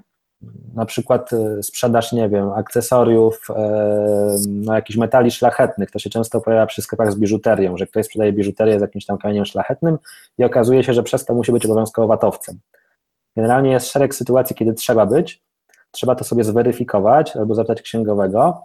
Jeżeli można nie być, to jak najdłużej nie być, bo w tej chwili zwolnienie wynosi do 200 tysięcy w skali roku, więc e, można korzystać z tego, że ma się trochę niższe ceny albo ma się wyższe ceny i ten podatek VAT ma się dla siebie, tak kolokwialnie mówiąc. Mhm.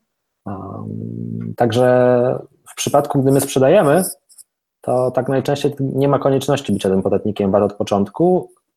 Odwrotnie jest na przykład u programistów, powiedzmy, bo programiści najczęściej mają tak, że oni współpracują z jakąś dużą firmą i ta duża firma chce od nich, żeby oni mogli wystawić fakturę VAT. Wolą nawet zapłacić Mhm. więcej, ale dostać fakturę z VAT-em. No, to prawda, zga- zgadza się. Okej. Yy, Dobrze, rozumiem, że kolejne pytanie. Tak jest. Dobrze. Pytanie od Arlety. Czy możliwe jest rozliczenie kursu jako umowy zlecenie bez prowadzenia działalności gospodarczej? Integralną częścią kursu byłaby indy- indywidualna konsultacja. I po drugie, czy zawsze należy wystawiać fakturę za kurs? Okej, e, to wracamy znowu do tego wątku, w jaki sposób sprzedawany jest kurs. Jeżeli kurs jest sprzedawany przez automatyczny system, to ja uważam, że to jest jak najbardziej zorganizowana działalność, bo wszystko dzieje się za nas. My podjęliśmy określone wysiłki, żeby to było na tyle zorganizowane, żeby działało. Natomiast jeżeli mamy na przykład na stronie informację, że e, nasz kurs to jest tak naprawdę trening indywidualny i ktoś może do nas indywidualnie przyjść, indywidualnie z nami zawrzeć umowę, no to można by rozliczać to jako osoba prywatna, oczywiście pamiętając o tym, żeby teraz nie robić jakiejś reklamy bardzo intensywnej, no bo działania reklamowe również świadczą o posiadaniu zorganizowanej działalności. W związku z tym e, sprzedaż zautomatyzowana uważam, że bez działalności jest ryzykowna. Wszystkie indywidualne usługi indywidualnie umawiane można w początkowej fazie bez działalności próbować ogarniać. Mm, Jeżeli chodzi o faktury, no to zależy, kto jest naszym klientem. Jeżeli naszym klientem jest firma, to mamy obowiązek udokumentować to fakturą. Jeżeli naszym klientem jest osoba prywatna, to takiego obowiązku nie ma. Fakturę wystawiamy na, na żądanie tej osoby. Więc jeżeli ona nas poprosi o fakturę, musimy wystawić. Jeżeli nas nie poprosi taka osoba prywatna, to mamy tak zwaną sprzedaż bezrachunkową, która jest odpowiednio księgowana. No więc chyba tyle. Okej. Okay. Magda jeszcze dopytuje w sprawie tych fanartów, czy mm, skoro nie, nie, za bardzo można je sprzedawać, to czy może chociaż je do portfolio wrzucić, y, żeby pokazać swoje umiejętności? No w portfolio już to prędzej przejdzie, mm, bo to nie jest jak gdyby zwielokrotnianie, sprzedaż, osiąganie korzyści, aczkolwiek trzeba mieć zawsze na uwadze, że jeżeli na przykład dana firma ma jakąś restrykcyjną politykę ścigania takich rzeczy, to może się do nas o to zwrócić. Tym bardziej, że teraz coraz więcej jest mowy o tym skanowaniu również obrazów i automatycznym wyłapywaniu treści graficznych, więc nie można wykluczyć, że coraz częściej będziemy mieli do czynienia z sytuacją, w której podmioty uprawnione będą wykonywały monitoring po to, żeby wyłapywać naruszenia praw autorskich. To dzieje się na YouTubie z muzyką, to samo robi już Facebook podczas Facebook Live'ów, wyłapuje nawet muzykę w tlenie, która leci i nie zdaje sobie z tego sprawy prowadzący. Więc e, trzeba uważać, żeby właśnie nie podpaść jakiejś firmie, aczkolwiek wiadomo, że no to portfolio jest mniej ryzykowne niż sprzedaż mhm. takich rzeczy. Dobrze, to kolejne pytanie jest Kamila. O, ciekawe pytanie. Czy na wysyłkę newslettera muszę mieć zgodę pisemną elektroniczną, czy wystarczy ustna? Czy pisemna, elektroniczna to się w ogóle wyklucza, bo nie można mieć zgody pisemnej, elektronicznej w prawie Znaczy pisem, pisemna lub elektroniczna. Aha, okej. Okay. Na newsletter najczęściej uzyskujemy zgodę elektroniczną, czyli uzyskujemy ją poprzez checkbox albo poprzez zapytanie. Co do zasady, taką zgodę można wyrazić w każdej formie, czyli również ustnej. Problem polega na tym, że my taki fakt udzielenia zgody powinniśmy w jakiś sposób utrwalić.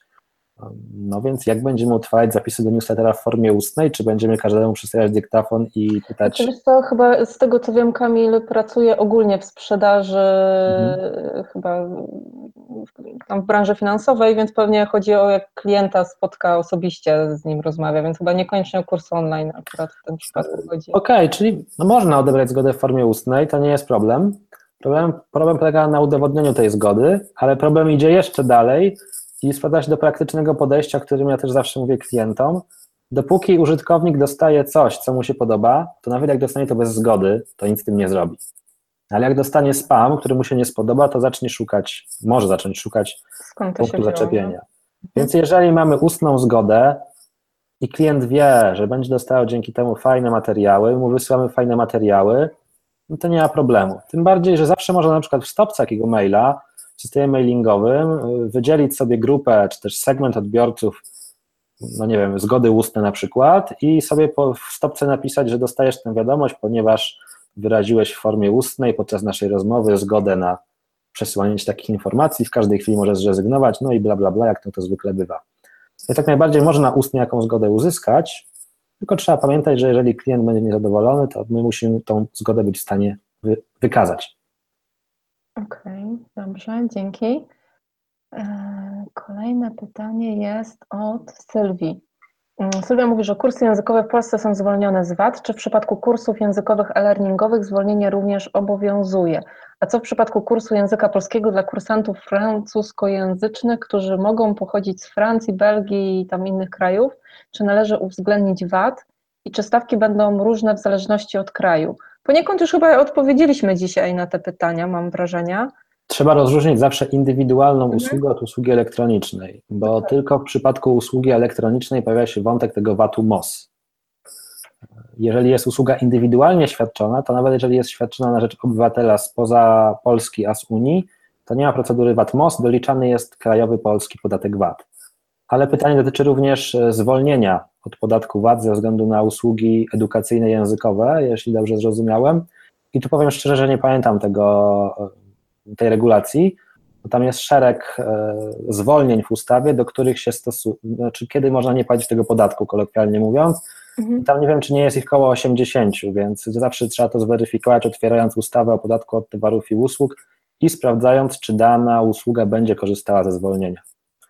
Przy czym e, ja kojarzę, że z tymi usługami językowymi to tam była jakaś wątpliwość, czy to dotyczy również e, szkolenia elektronicznego, bo to samo dotyczy na przykład usług dietetycznych. Usługi dietetyczne mogą być zwolnione, jeżeli są świadczone indywidualnie. W związku z tym przyjmuje się, że jeżeli są świadczone na odległość elektronicznie, to już nie są indywidualnie i tam jest dużo niuansów. Nie odpowiem konkretnie na to pytanie, bo nie mam takiej wiedzy i nie mam tego aktu przed sobą. Zawsze polecam tego typu wątpliwości konsultować z osobą, która jest odpowiedzialna za księgowość albo z doradcą podatkowym, no bo taka decyzja trzeba podjąć na początku.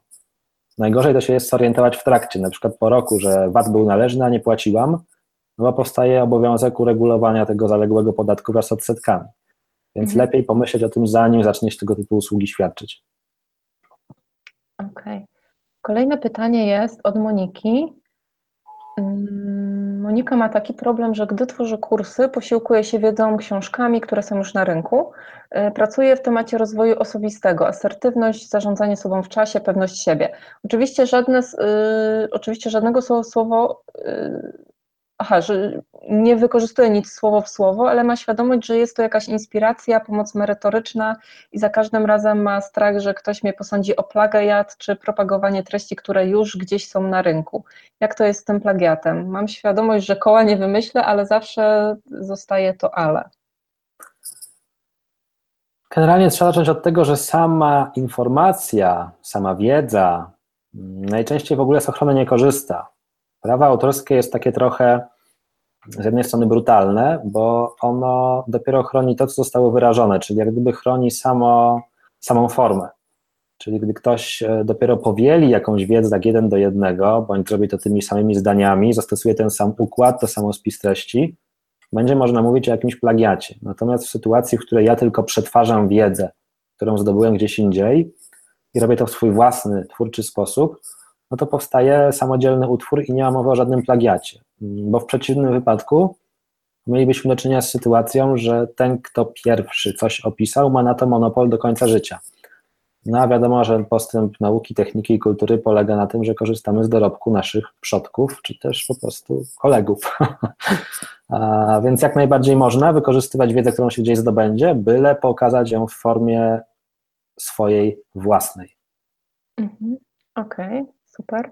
Y, dobrze, słuchajcie, jeśli macie jeszcze jakiekolwiek pytania do Wojtka, to proszę powtórzcie je na czacie, jeśli coś przeoczyłam. Y, prawdopodobnie przeoczyłam coś, bo było dużo tutaj różnych dyskusji się pojawiło przy okazji na czacie, więc o to bym Was prosiła, bo my będziemy już powoli zmierzać do końca. Widzę już tutaj na zegarku, że jesteśmy y, godzinkę z Wami, więc dajcie znać, czy jeszcze macie jakieś pytania, wątpliwości przy sprzedaży Waszych kursów online. Ja bardzo się cieszę, że Wojtek się zgodził tutaj być dzisiaj z nami, bo wiem, ile różnych pytań i wątpliwości się pojawiało. Ok, widzę, że już się pojawiają kolejne pytania. E, ale jeszcze zanim do nich przejdziemy, właśnie tak się zastanawiam, mm, że dobrze było powtórzyć tą informację, że Wojtek przygotował pakiet, e, pakiet dla sprzedawców produktów elektronicznych, w którym są Właśnie Wojtku, wspomóż mnie dokładnie, co jest w tych pakietach, przypomnij. Pakiety są w dwóch wersjach, te gotowe. Mhm. Pakiet Basic i pakiet Premium. Pakiet Basic pozwala ogarnąć wszystkie kwestie związane z regulaminem sprzedaży, z polityką prywatności sprzedaży, z formularzami odstąpienia i na tym się kończy. Czyli załatwiamy kwestie regulaminowe. Pakiet Premium zawiera również kwestie związane z ochroną danych osobowych czyli politykę bezpieczeństwa, czyli instrukcje zarządzania systemami informatycznymi, ewidencję osób upoważnionych, dekalog zasad związanych z przetwarzaniem danych osobowych, generalnie szereg dokumentów związanych z ochroną danych osobowych, plus instrukcje, jak zgłosić zbiory do GIODO, bo jeszcze w chwili obecnej jest to obowiązkowe. To są dwa pakiety dostępne przez stronę, no i one są takimi rozwiązaniami budżetowymi, jak ja to mówię, dla tych osób, które nie chcą płacić za indywidualną usługę, ponieważ moja indywidualna usługa w chwili obecnej przy wdrożeniu sprzedaży elektronicznej z ochroną danych osobowych i z regulaminem kosztuje 1000 zł netto, czyli 1230 zł brutto. Pakiet premium natomiast kosztuje 499 zł, więc tak naprawdę jest to mniej niż połowa tej kwoty. A zadowoleni klienci, którzy pisali chociażby na czacie, wiedzą, że można z tego naprawdę samodzielnie skorzystać i daje to fajne efekty i jednocześnie wyposaża w taką potężną dawkę wiedzy i ma się tą świadomość prawną, jak to wszystko Właśnie. powinno działać. Dokładnie. Ja jeszcze przypomnę, że tutaj pod webinarem macie link do tego pakietu plus przypomnienie o kodzie rabatowym 20%, y, który Wojtek specjalnie dla nas przygotował. A ja przechodzę do czatu, bo już widzę, że już się okurcza. Dużo pojawiło pytań przez ten czas. Yy, dobra, postaramy się yy, pokrótce. Może rzeczywiście na te pytania już postaramy się odpowiedzieć w formie, że odeślesz nas do konkretnych materiałów na, na blogu. I, I, jeśli oczywiście, znaczy no myślę, że będziesz, masz chyba na każdy temat u siebie informacje na blogu. Yy, dobrze, ale przechodzę do pytań, nie przedłużam. Pytanie od Kasi. Jak wywiązać się z obowiązku informowania o zmianach w regulaminie sklepu? Czy wszystkim, którzy kiedykolwiek coś u nas kupili, trzeba wysyłać e-maile z informacją o zmianach regulaminu, nawet tym, co kupowali coś bez rejestracji, tylko przez formularz z danymi? Przecież nie wiadomo, czy będą jeszcze coś chcieli u nas kupić. OK, jeżeli chodzi o użytkowników, którzy kupili raz, nie mają konta, my w ogóle nie mamy obowiązku powiadamiania ich o nowym regulaminie, dlatego że do nich znajduje zastosowanie regulamin z chwili zawarcia umowy. I w regulaminie, który ktoś sobie przygotowuje, powinna znaleźć się taka adnotacja, że w razie zmiany regulaminu do umów zawartych przed zmianą regulaminu znajduje zastosowanie regulamin obowiązujący w chwili zawarcia umowy. Natomiast jeżeli chodzi o osoby, które mają konto w naszym sklepie, czy też w ogóle mają konto na jakiejś platformie kursowej, to one powinny być powiadomione o każdej zmianie regulaminu i najlepiej byłoby, żeby one musiały każdy ten regulamin zmieniony jeszcze raz zaakceptować. To jest rozwiązanie najlepsze i modelowe, ale rzadko kiedy stosowane. Najczęściej rozwiązuje się to w ten sposób, że pojawia się informacja, że zmieniamy regulamin, planujemy tę zmianę w takim i w takim dniu. Jeżeli nie zgadzasz się ze zmianą treścią regulaminu, możesz bezkosztowo zrezygnować z konta, usunąć je i po problemie. Czasem również wprowadza się ten regulamin już bez informowania z wyprzedzeniem, tylko po prostu zawiera się informację, że obowiązuje od dzisiaj. Jeżeli nie chcesz, możesz w każdej chwili zrezygnować bez ponoszenia kosztów. Wariantów jest wiele, natomiast podstawowa odpowiedź jest taka: użytkownicy, którzy nie mają konta, kupili raz, brak obowiązku informowania, użytkownicy posiadający konto powinni zostać poinformowani z zagwarantowaniem procedury możliwości rezygnacji z dalszej usługi, jeżeli nie zgadzają się z nowym regulaminem. Okej, okay, dzięki. E, pytanie od Kasi. Czy sklep internetowy powinien być zgłoszony do GIODO? Co w przypadku, gdy zgłaszamy newsletter? Czy zgłasza się to razem, czy osobno? W ogóle to zgłoszenie do GIODO to jest taki mm, trochę kolokwializm, y, bo tu nie, nie zgłaszamy sklepu do GIODO. Do GIODO zgłaszamy zbiory danych funkcjonujące w danej firmie. Więc jeżeli my mamy firmę i w ramach tej firmy prowadzimy sklep, to najczęściej mamy wiele zbiorów. Mamy zbiór zamówień, zbiór użytkowników, zbiór niesleterowy, zbiór fakturowy, zbiór pracowników i tak dalej, i tak. I wszystkie te zbiory zgłaszamy do GIODO. Każdy zbiór musi mieć oddzielne zgłoszenie, natomiast wszystkie te zbiory uwzględniamy w jednej polityce bezpieczeństwa, czy też w wykazie zbiorów danych osobowych. W tym zakresie na blogu jest artykuł Dane osobowe w sklepie internetowym, jak nad nimi zapanować. Jest również artykuł Wdrożenie prawne sklepu internetowego krok po kroku. A generalnie, jak ktoś wejdzie na prakreacja.pl, w górnym menu jest e, strefa wiedzy. Ona jest podzielona na branże i tam jest dla sklepów internetowych i wszystkie te artykuły poświęcone sklepom internetowym są tam podlinkowane, więc można sobie je prześledzić, przeczytać i uzbroić się w pakiet wiedzy. Okej, okay, rzucam na czat za chwilkę. Dobrze, kolejne pytanie. Mm. Pytanie od Pauliny. Nawiązując do pytania o wykorzystanie treści z książek, czy jeśli zacytujemy, skąd jest to, to w dalszym ciągu tak naprawdę nie możemy e, wykorzystać tych treści? Czyli wchodzimy do cytatu. A cytat to jest kolejne e, zagadnienie mm, bardzo obszerne, dlatego że cytat jest fajną instytucją, ale często nadużywaną. W prawie autorskim cytat, mm, żeby był cytatem w myśl prawa, musi przede wszystkim służyć określonemu celowi edukacja, wyjaśnianie, krytyka, samo wzbogacenie wartości naszego przekazu, same urozmaicenie naszej treści nie jest wystarczające, żebyśmy mówili o cytacie w rozumieniu prawa. Jeżeli cytat rzeczywiście służy omówieniu jakiejś kwestii, wyjaśnieniu czegoś, to jak najbardziej można taki cytat wykorzystać w swoim utworze, oczywiście zaznaczając przypis i odpowiednio oznaczając twórcę i źródło.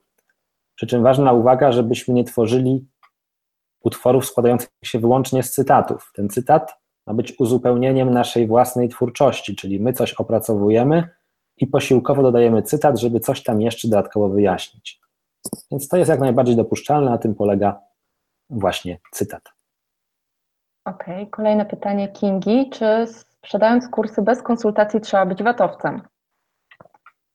Znowu bardziej księgowość. Mm, nie trzeba być watowcem i większość osób, które sprzedają kursy, nie są watowcami, jeżeli nie prowadzą jakiejś działalności właśnie konsultacyjnej obok tego.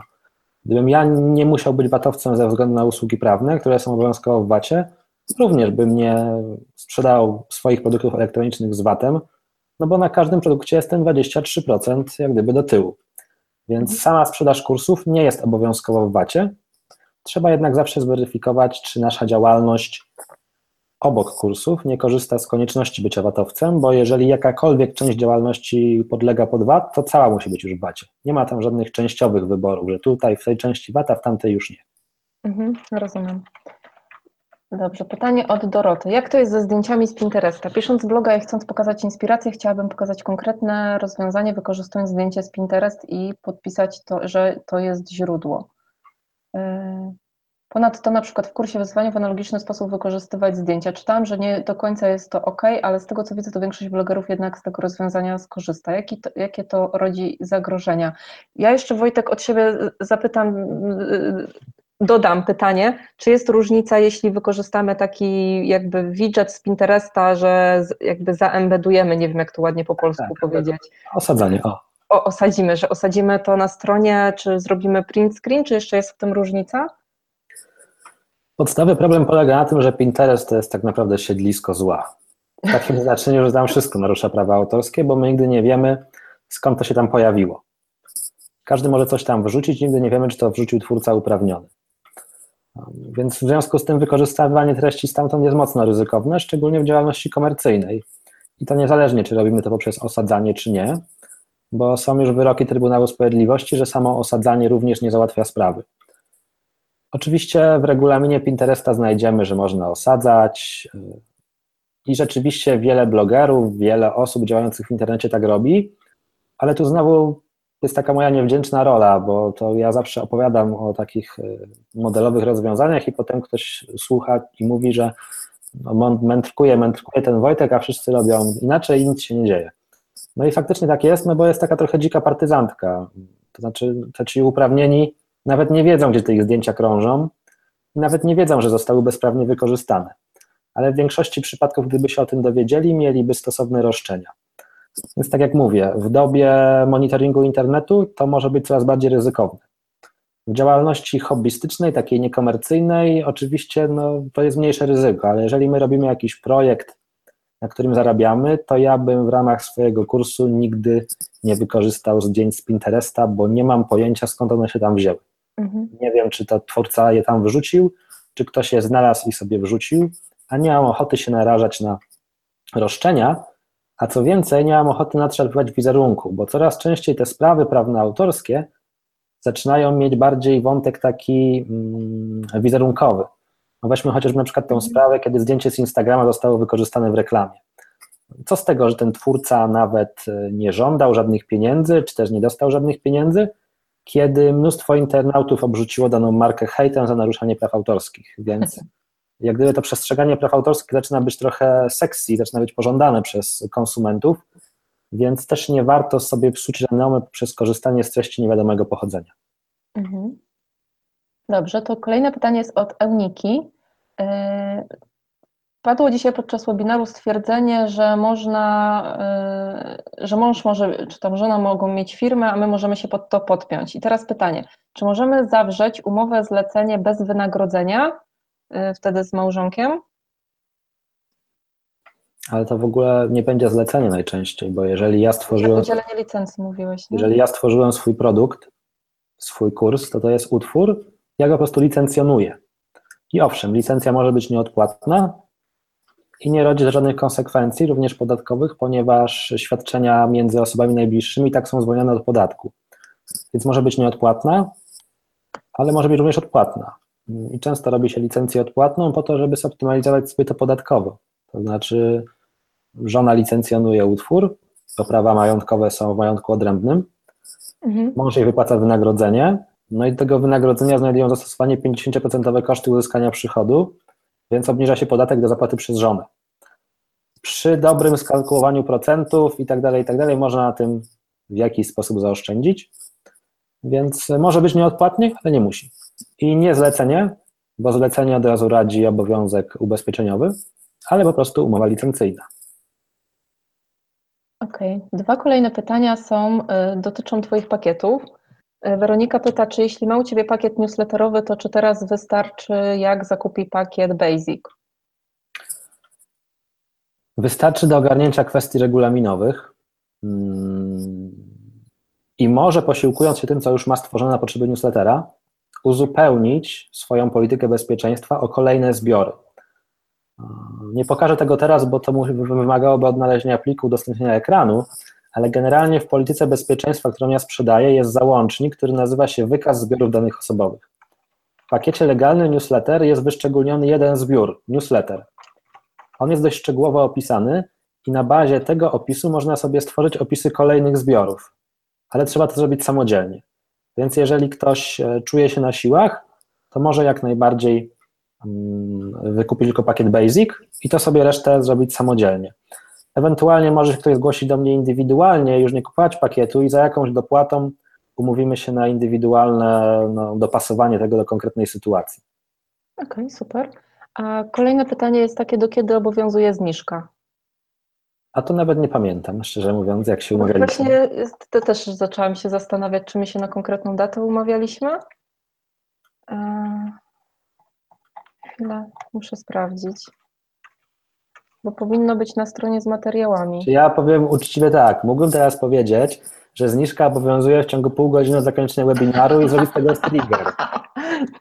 Wtedy ktoś by pewnie kupi, tak? Ale ja też nie, nie chodzi o to, żeby to kogoś triggerować do sprzedaży, ale też zachęcam, żeby nie odkładać tego na wieczność, bo sam wiem ze swojego przykładu, że jak czegoś nie zrobię od razu, to nie robię tego nigdy. W związku z tym w zakładce Facebook zapisane mam tysiące filmów do obejrzenia branżowych, merytorycznych, kubkę wstydu książek, które kupiłem i nie przeczytałem, więc może lepiej zrobić to od razu i raz na dobrze. Zgadza się.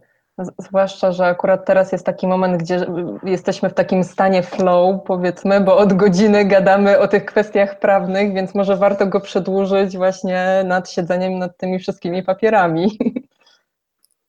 Polecam, polecam. Brzydko mówiąc, papierami. Okej, okay, kolejne pytanie. Kinga, jakie dokumenty musimy posiadać w sklepie?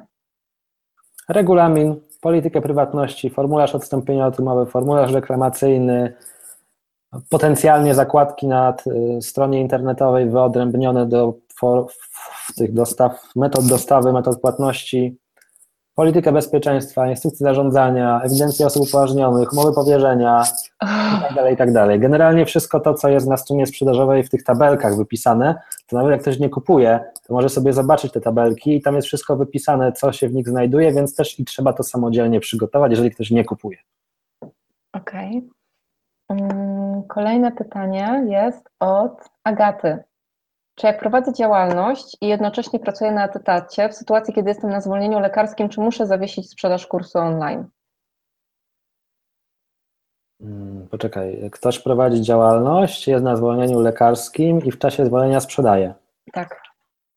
Nie odpowiem Ci na to pytanie, dlatego że ja bym się skontaktował z ZUS-em w tej sprawie. ZUS ma mhm. dość fajną infolinię, którą się dość łatwo dodzwonić i oni ci powiedzą, jak oni podejdą do tego tematu. No bo sprzedaż jest automatyzowana, więc de facto nic nie robisz, możesz leżeć w łóżku, Dokładnie. a kurs się sprzedaje, ale jak znam ZUS, jak znam polskie organy, to możesz wejść z nimi na ścieżkę grozy, jakby się dowiedzieli na, o tym, więc warto wcześniej o to zapytać, jak oni tego podejdą. Mhm.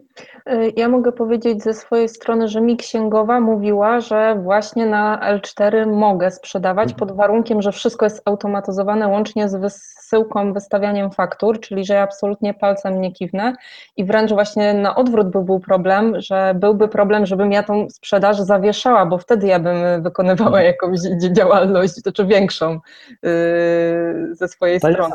Jest to jest oczywiście kwestia interpretacji, tylko mhm. trzeba mieć na uwadze, że jeżeli e, ZUS-owi coś się nie spodoba, to będziesz musiała w stanie im to wszystko wyjaśnić. A jak zobaczysz tam babcię, babcię, Nie, nie będę używał sformułowania babcia. Jak zaczniesz tą panią, która siedzi w tym urzędzie i zupełnie nie wie, o czym ty do niej mówisz, co to jest e-commerce, co to jest tak. Presta, a co to jest fakturownia, no to ona może przyjąć, a może nie przyjąć. Jak nie przyjmie, no to pozostaje walczenie dalej, w konsekwencji przed sądem. Dokładnie. Dlatego ja, jak już mówiłam, jestem z tych osób, które wolą spać spokojnie, nie brałam L4. A ja szczerze mówiąc nie znam przedsiębiorców, którzy są na L4. No, to inna sprawa. Nie? Y, okej, okay. przechodzimy do kolejnych pytań. Y, Magda, wirtualne biura, czy można spokojnie z nich korzystać? W sieci jest dużo rozbieżnych informacji. Z wirtualnymi biurami to jest temat kłopotliwy, z tego względu, że jeszcze jakiś czas temu, tak z półtora roku temu, nikt nie weryfikował Twojego tytułu prawnego do lokalu, w którym prowadzisz działalność. Obecnie często zdarza się tak, szczególnie przy rejestracji do VAT-u, że urzędnik przychodzi do lokalu, w którym, który został wskazany jako siedziba działalności i weryfikuje, czy tam rzeczywiście ta działalność jest prowadzona. Więc e, nie jest to do końca pewne, aczkolwiek skoro wirtualne biura działają, to przypuszczam, że mają jakieś swoje procedury, jak pana urzędnika w przyjemny i przyjazny sposób spławić, żeby był zadowolony. Więc popytałbym e, nie w internecie, na ich stronach, tylko skontaktował się z konkretnym człowiekiem odpowiedzialnym za dane biuro i zapytał, jak oni rozwiązują ten problem bo problem rzeczywiście może powstać. Mhm. Ja tu przeglądam kolejne pytania. E, gdzie można znaleźć informacje, które działalności gospodarcze muszą być watowcami? W ustawie o podatku od towarów i usług, który artykuł w tej chwili nie pamiętam, ale jest tam cały przepis poświęcony zwolnieniu od podatku od towarów i usług. I tam znajdują się wszystkie informacje. Ale powiem Można szczerze, też że księgową pewnie zapytać. Ja bym nie radził samodzielnego wertowania takiej ustawy jak ustawa o podatku od towarów i usług, ponieważ to jest trudne, prawnicy się w tym gubią.